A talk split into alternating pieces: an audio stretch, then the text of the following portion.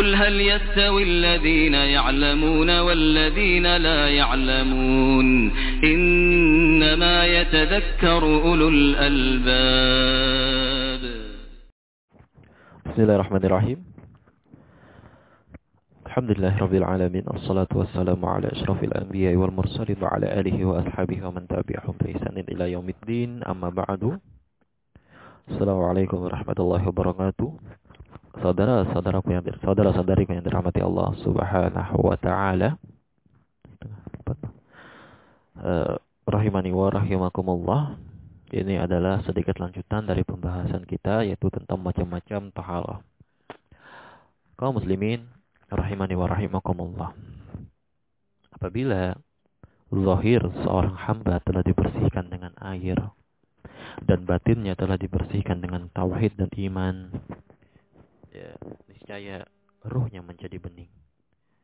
Jiwa menjadi baik, hatinya menjadi giat, dan dia telah siap untuk bermunajat dengan Rabbnya. Allah Subhanahu wa taala. Ya. Dalam kondisi yang paling baik. Badannya suci, hatinya suci, pakaiannya suci, dan dia bermunajat kepada Allah Subhanahu wa taala di tempat yang suci pula. Inilah adab yang utama. Serta pengagungan. Puncak pengagungan terhadap Rabb semesta alam. Allah subhanahu wa ta'ala. Ya, dengan melaksanakan ibadah kepadanya. Karena itu, bersuci adalah sebagian dari keimanan. Seperti hadis yang telah kita sampaikan, at-tahur syatrul iman. Ya.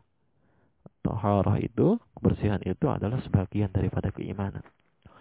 Dan Allah Subhanahu wa taala menyukai, mencintai orang-orang yang bertaubat dan yang senang mensucikan dirinya.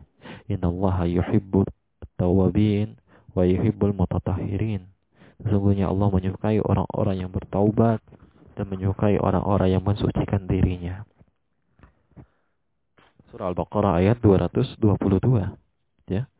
Saudara-saudariku yang dirahmati Allah Subhanahu wa taala, Allah menciptakan manusia terdiri dari dua unsur. Ya. Terdiri dari dua unsur yaitu jasmani dan rohani. Jasmani dipenuhi kotoran dari dua sisi, dari dua sisi. Dari dalam ya seperti uh, mazi keringat misalkan yang keluar dari tubuh kita atau kotoran itu sendiri.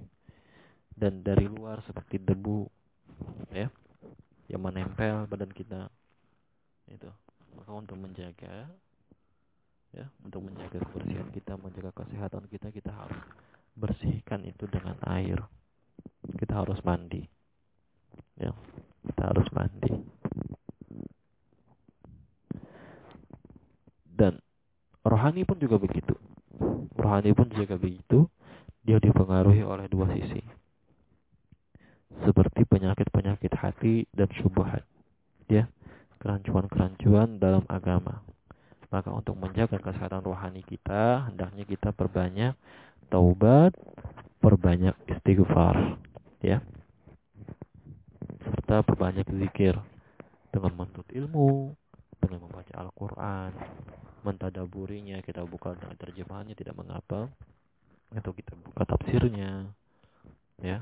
Kita baca hadis-hadis Rasulullah, kita baca sirah-sirah para sahabat dan sirah-sirah para ulama, sejarah-sejarah para ulama. Dan ini adalah metode-metode untuk membersihkan hati kita. Ya. Saudara-saudari penerima Allah Subhanahu wa taala, bersuci merupakan salah satu kesempurnaan ajaran Islam bersuci dengan air ya atau debu dengan tata cara yang disyariatkan untuk menghilangkan hadas dan najis. Inilah yang akan kita bahas dalam pembahasan tahara.